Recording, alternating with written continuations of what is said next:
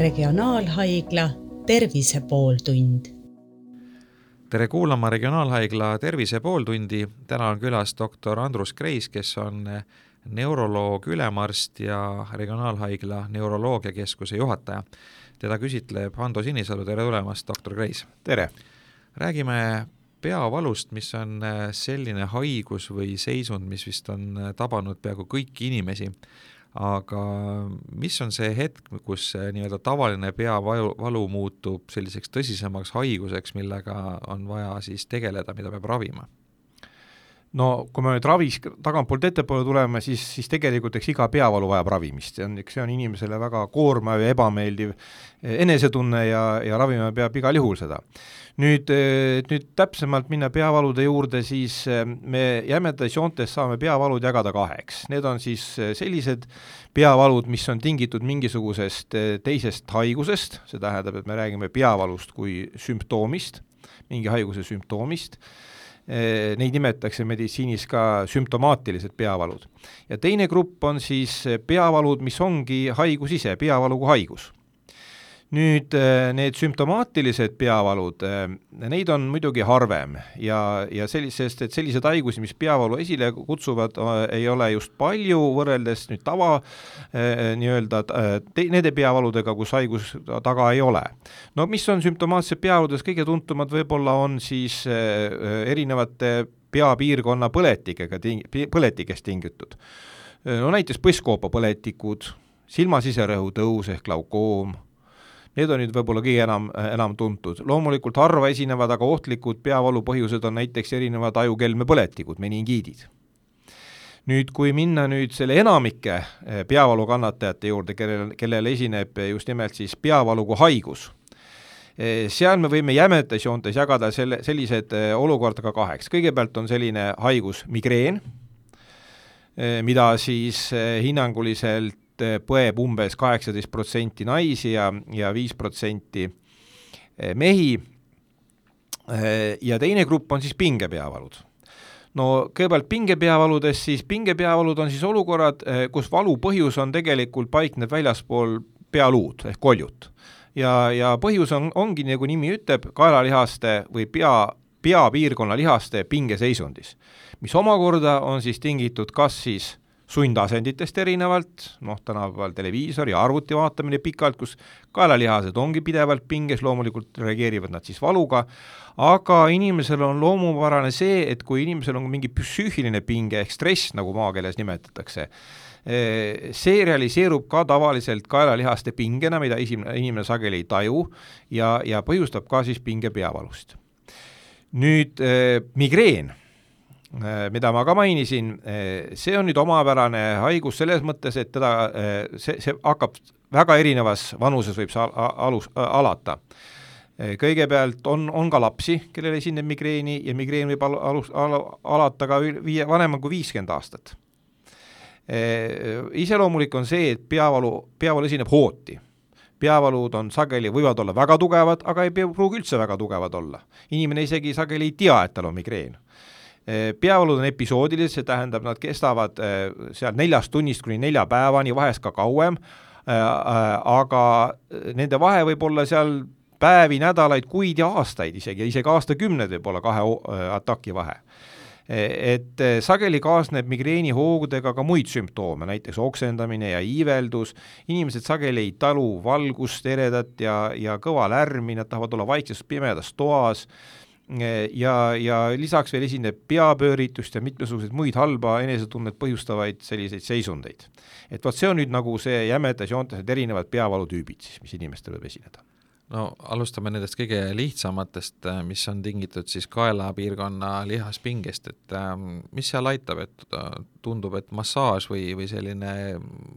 võimlemine või mingi, mingi selline tegevus võiks seda leevendada, et, et kui tõhus see on? jah, massaaž ja, ja, ja eriti just aktiivne, just nimelt liigutamine, aktiivsed harjutused äh, kindlasti aitavad, eriti kui selle põhjuseks on, on nüüd, nagu ma ütlesin, see mehaaniline sundasend, nagu öelda.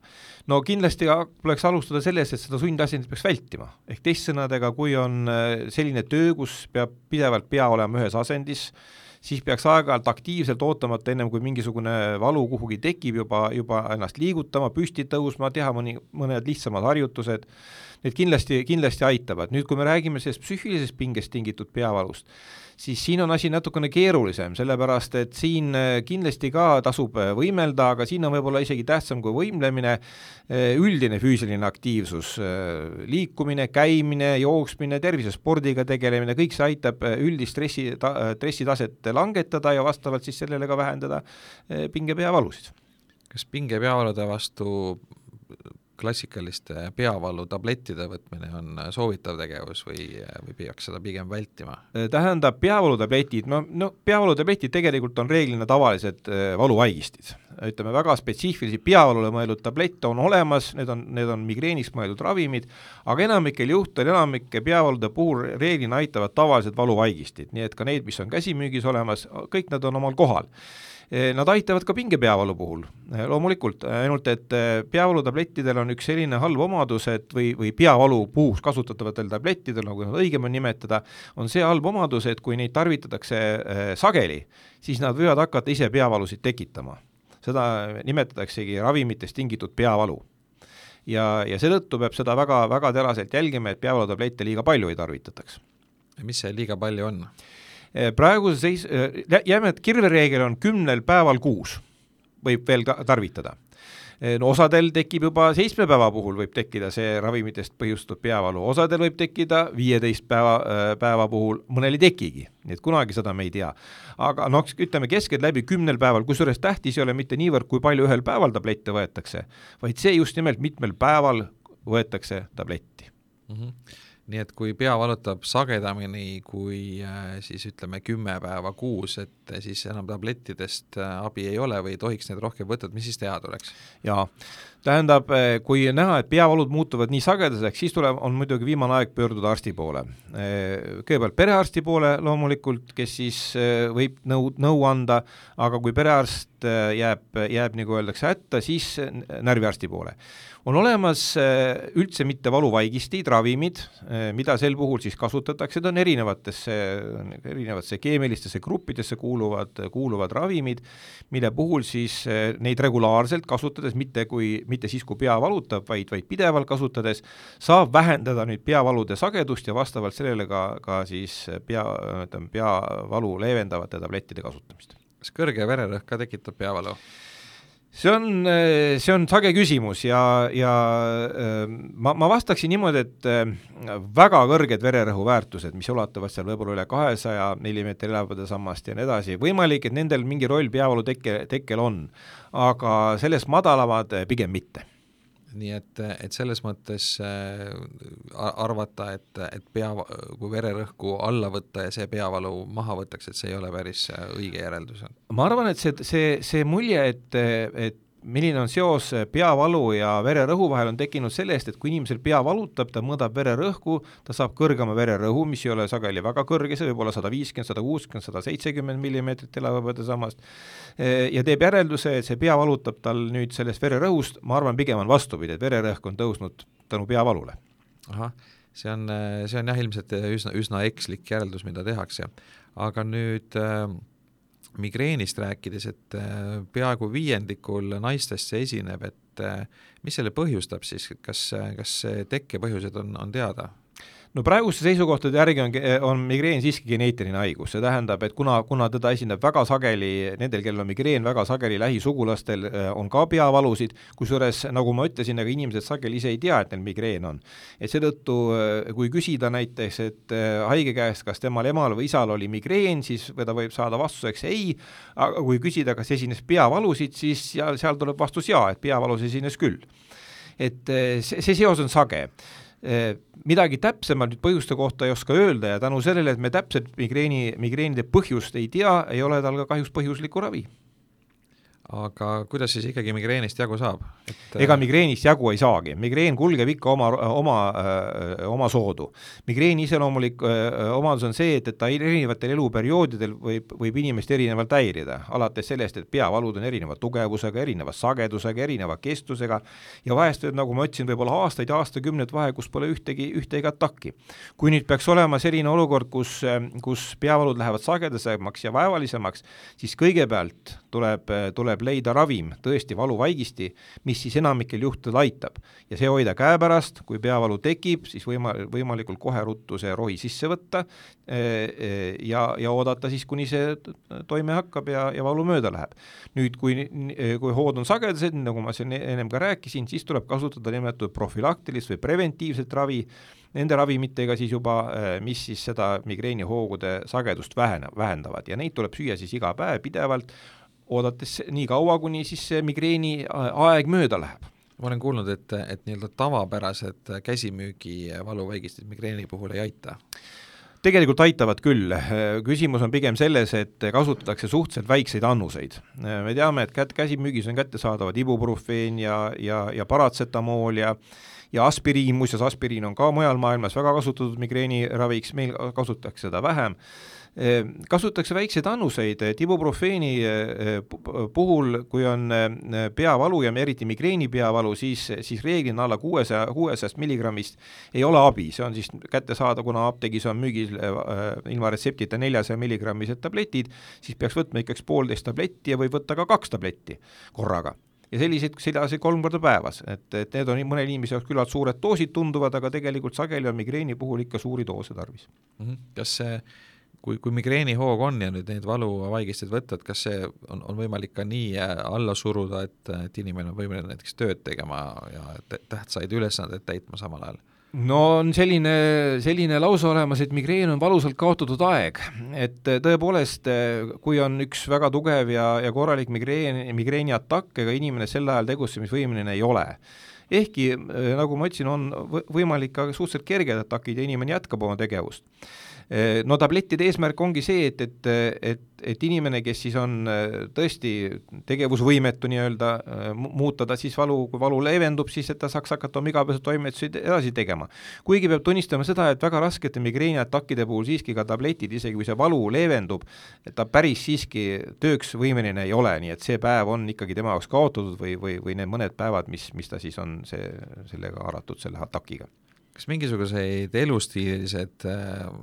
nähtused, tege-, tegevused ka migreeni kuidagi aitavad vältida, et kas ma ei tea, on, on seal seos näiteks stressi või mingi, mingi toitumise või alkoholi või millegi muuga? Äh, no see on väga lai teema, selles mõttes, et äh, on väga hästi nähtud, et on, on inimestel, väga paljudel migreenihaigetel on mitmesugused nimetatud päästiksituatsioonid või päästikolukorrad tähendab, ma, mina armastan oma haigetele öelda, et ei ole vist sellist asja, mis migreeni hoogu ei võiks esile kutsuda, ainult et see on igal inimesel erinev. Ja kui ta kutsub, ta kutsub seda esile alati. Ja kui ta ei tee, ei tee seda kunagi. no mis on klassikaline, et kui jutt oli stressist, on olemas jah, tõepoolest, pingelised stressirikkad olukorrad võivad, võivad kutsuda migreeni esile, aga on olemas ka pingelangusmigreenid, on olemas nagu nädalalõpumigreenid, kellel pea valutab, kui inimesel pea valutab ainult nädala lõpus, laupäeval, pühapäeval, just siis, kui ta tunneb, et tal on pingelangus, ta saab puhata, siis on ta vaja vaevab ta migreeni käes. samuti mitmesugused toiduained, noh, mõned rohkem, mõned vähem, on teada, mis osadel inimestel võivad migreenihoogu esile kutsuda, alkohol kindlasti on üks selline, veinidest eriti arvatakse, et punane vein, kuigi on inimesi, kellel ka valge vein näiteks võib seda esile kutsuda, nii et nagu ma ütlesin, jäätis, kohv, üldiselt kohviga liialdamine on alati selline, mis, selline riski, riskifaktor, nii et kui ma, kui inimesel on sageli migreeniatakid, siis ma alati küsin, et kui palju te kohvi tarbite ja kui see kohvi tarbimine on ikka suur, siis ma soovitan ma seda kindlasti vähendada. ja tegelikult neid, neid faktoreid on, on väga palju kas kohvi võib ka mõnel juhul peavalu ära võtta, et see on ka nagu selline, ma ei tea, linnalegend, mida räägitakse, et kui kohvi ei joo, et kofeiin kuidagi peavalu leevendaks? jah, kofeiini on, on kasutatud ja kasutatakse ka praegu mitmesuguste ravimite, peavaluravimite koostises e,. täpselt nii, nagu ma ütlesin, et, et et peavaluhoogu võivad, võivad, praktiliselt kõik asjad esile kutsuda, samamoodi võib ka peavalu raviks väga erinevad asjad inimestele mõjuda, ka kohvi. osadel inimestel, kes tunnevad, et nad kohvi juues eh, peavalu läheb mööda, see on täiesti, täiesti levinud selline olukord ja aga paraku see, see ei ole see, mida, et me ütleme, et, et kui teil on migreen, siis jooge kohvi. et sedapidi nagu see asi ei ole. samas võib migreeni, migreeni valuhoogu leevendada tõepoolest mitte, mitte medikamentoossed või mitte tabletid ka, no üks tüüpiline näiteks on, on mitmesugused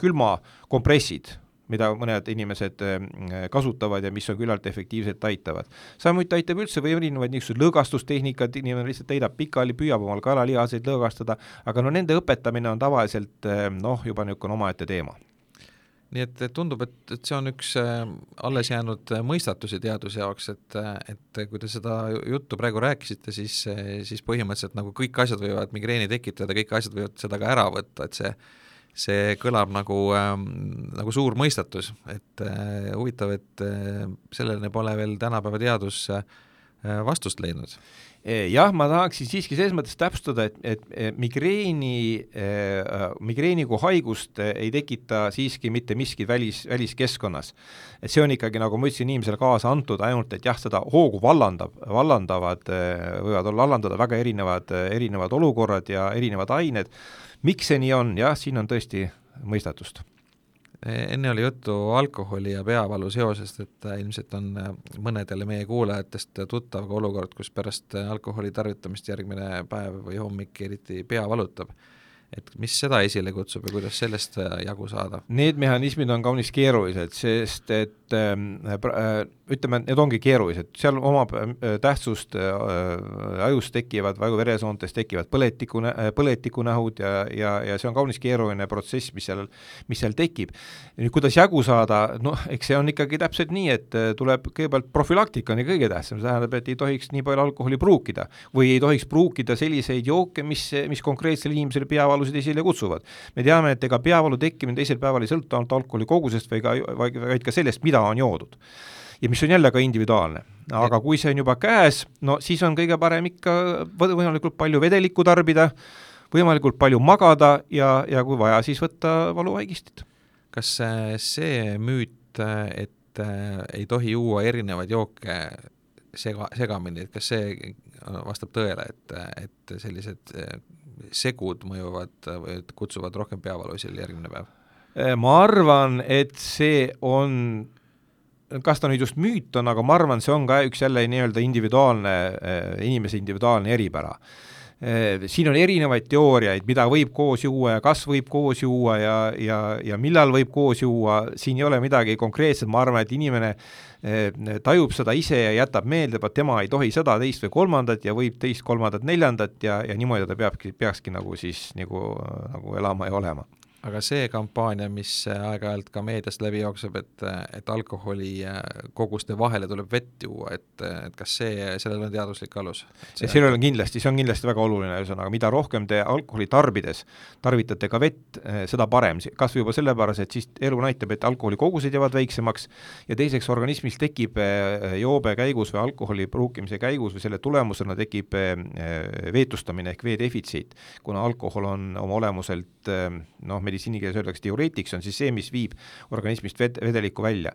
et seda kindlasti, mida rohkem te vedelikku või vett, sõna otseses mõttes isegi kõige parem, tarvit-, tarbite alkoholi tarvitamise ajal või isegi ennem, soovitaks juba, kui ennem, kui te kuhugi peole lähete, hakata rohkem vett tarbima, seda kergem on teil eeldatavasti järgmine päev räägime nüüd äh, natuke nendest raskematest äh, peavaluhaigustest ka, äh, põletikest, et, et jällegi võib-olla kõige rohkem tähelepanu on saanud Äh, puukentsefaliit ja, ja sellega äh, tekivad peavalud, et äh, kui sage see haigus täna on ja kui palju selliseid patsiente teie poole pöördub, et see on nagu suveperioodi haigus küll vist? no tänapäeval on puukentsefaliit aastaringne haigus, kuna, kuna elu näitab, et kliima on nii palju soojemaks läinud, et, et meil praktiliselt aastaringselt on puugid aktiivsed juba et seetõttu meie arvestame, kui me siin jah, mõnedkümned aastad tagasi arvestasime, et, et suve või on talv, et jätame selle haiguse siis nüüd äh, välja, kui me diagnoosimist alustame, inimesed, kellel on ajukeelne põletik, siis tänapäeval me seda ei tee ja see on üks esimesi, esimesi diagnoose, mille peale me mõtleme, puukentsefaliit kui palju puukentsefaliiti haigestub inimesi, kui palju teie tegelete selliste haigetega? Ma jään nüüd selle numbri, numbri küll nüüd võlgu, aga no üldiselt arvestades nüüd üldist haigestumist, siis loomulikult ei ole puukentsefaliit mingi sage haigus. aga, aga siiski piisavalt, no ma pakun välja, et meil käi-, meil on aastas puukentsefaliidiga no võib-olla üks kümmekond haiget Aha, siis, aga no osad nendest, osad nendest satuvad ka nakkushaiglasse ja teistesse haiglatesse, nii et, nii et ta nüüd mingi hirmus sage haigus pole, aga noh, ta on tähelepanuväärne sellepärast, et esiteks ta võib kulgeda väga raskelt, üliraskelt, kuigi enamikel juhtudel õnneks ta on siiski, ei jäta jälge, inimene saab sellest terveks, teine probleem on see, et tal ei ole ravi, selles mõttes, et nagu ikka viirushaigustel, kui ta tuleb, siis ta, siis ta tuleb. ja kolmas oluline moment on see, et ta on efektiivselt ärahoitav vaktsineerimisega jälle. et, et selle tõttu temast palju räägitakse ja põhjendatult palju räägitakse no kui, äh, kui need numbrid, kes äh, inimesi, kes sellesse haigusse haigestuvad, on seal mõned kümned või isegi nagu sadakond ja meil on ikkagi miljon pluss inimest, et kas siis on mõistlik, et kõik need inimesed peaksid ennast äh, puugi vastu, puukentsefaliidi vastu vaktsineerima, sest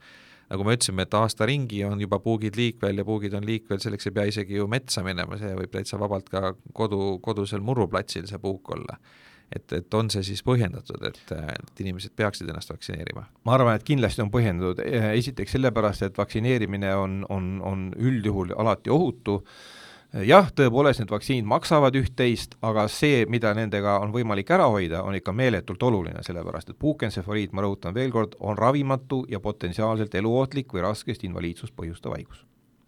millised on veel sellised sagedasemad äh, ajupõletikud või on, on seal midagi sellist, mil, mille puhul inimene peaks äh, eriti tähelepanu pöörama, et ta, et ta saaks õigel ajal arstiabi? no ikkagi jälle, ajupõletikud ja ajukeelnepõletikud kuuluvad ikkagi harvade haiguste alla, õnneks võrreldes siin külmetushaigustega, viirushaigustega ja, ja, ja gripiga, ta on ikkagi, nad on ikkagi harvad, aga potentsiaalselt alati väga rasked ja eluohtlikud haigused millele pöörata tähelepanu, eh, noh, kui me rääkisime siin praegu puukentsefaliidist, siis on see tõesti niisugune ärahoitav või, või, või efektiivselt ärahoitav meningiidi vorm. ega teisi taolisi väga palju ei ole, et pigem on oluline see, et kui tõesti meningiit tekib, et siis inimene selle peale ja eh, mõtleb, et ta pöörduks ja si-, et seda ka siis arstid ära tunneks. ega seda alati väga lihtne ei ole teha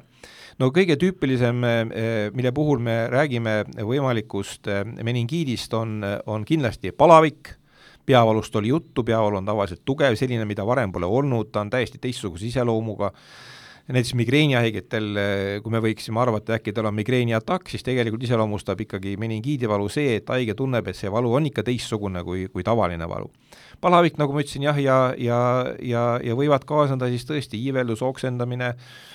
ja, ja sellised sümptomid, noh, halvemal juhul tekib juba teadvuse muutused ja teadvuse hägunemine, aga, aga ega seal midagi väga spetsiifilisemat rohkem kahjuks ei ole kas see vastab tõele, et tugev pea külmetamine, noh meil on ka ikkagi vahel äh, talvel väga külmad ilmad ja, ja mütsi kandmine ei ole väga trendikas. kas, kas see on risk, et, et pead külmetada? Äh, meningiidiks? või üldse igasugusteks aju, ajuga seotud haigusteks, peavaluks, milleks iganes? Tähendab, ütleme, palja peaga käimine või, või pea külmetamine, mis on seal taga, seal taga on see, et pea verevarustus on väga hea. ja seetõttu inimene, kellel on muidu soojad riided, aga pea paljas, see tegelikult äh, võib küllalt kergelt külmetuda, kuna, kuna just täpselt sellel põhjusel, et et veri, mis siis tegelikult käib keha, kehas ringi, äh, on võimeline äh, sellise suure verevarustuse puhul väga kiirelt nii-öelda jahtuma ja, ja põhjustada ka külmetuse. mis puudutab nüüd haiguhaigusi või närvihaigusi, siis, siis pea külmetamine neid muidugi esile ei kutsu. peavalusid küll, ja just nimelt niisugust nii-öelda pingetüüpi peavalusid, kus siis kuna, kuna lihased, mis, mis siis kaelas ja pea, pead ümbritseva, ümbritsevas koes on, eh, loomulikult need ka eh, ei talu külma ja iga lihas, nagu te teate, kui ta külma saab, võib muutuda valulikuks, nii et sealt tulevad need peavalumehhanismid. ja, ja lisaks veel, et nagu ma vist mainisin ka, et migreeni, migreeni üks vallandav tegur võib ka külm olla, pea külmetamine aga võib ka kuum olla. võib ka kuum olla. et see on individuaalne. Äh, aitäh, doktor Andrus Kreis, meiega oma mõtteid jagamast, te kuulasite äh, Regionaalhaigla Tervise pooltundi ja saadet juhtis Ando Sinisalu, aitäh kuulamast!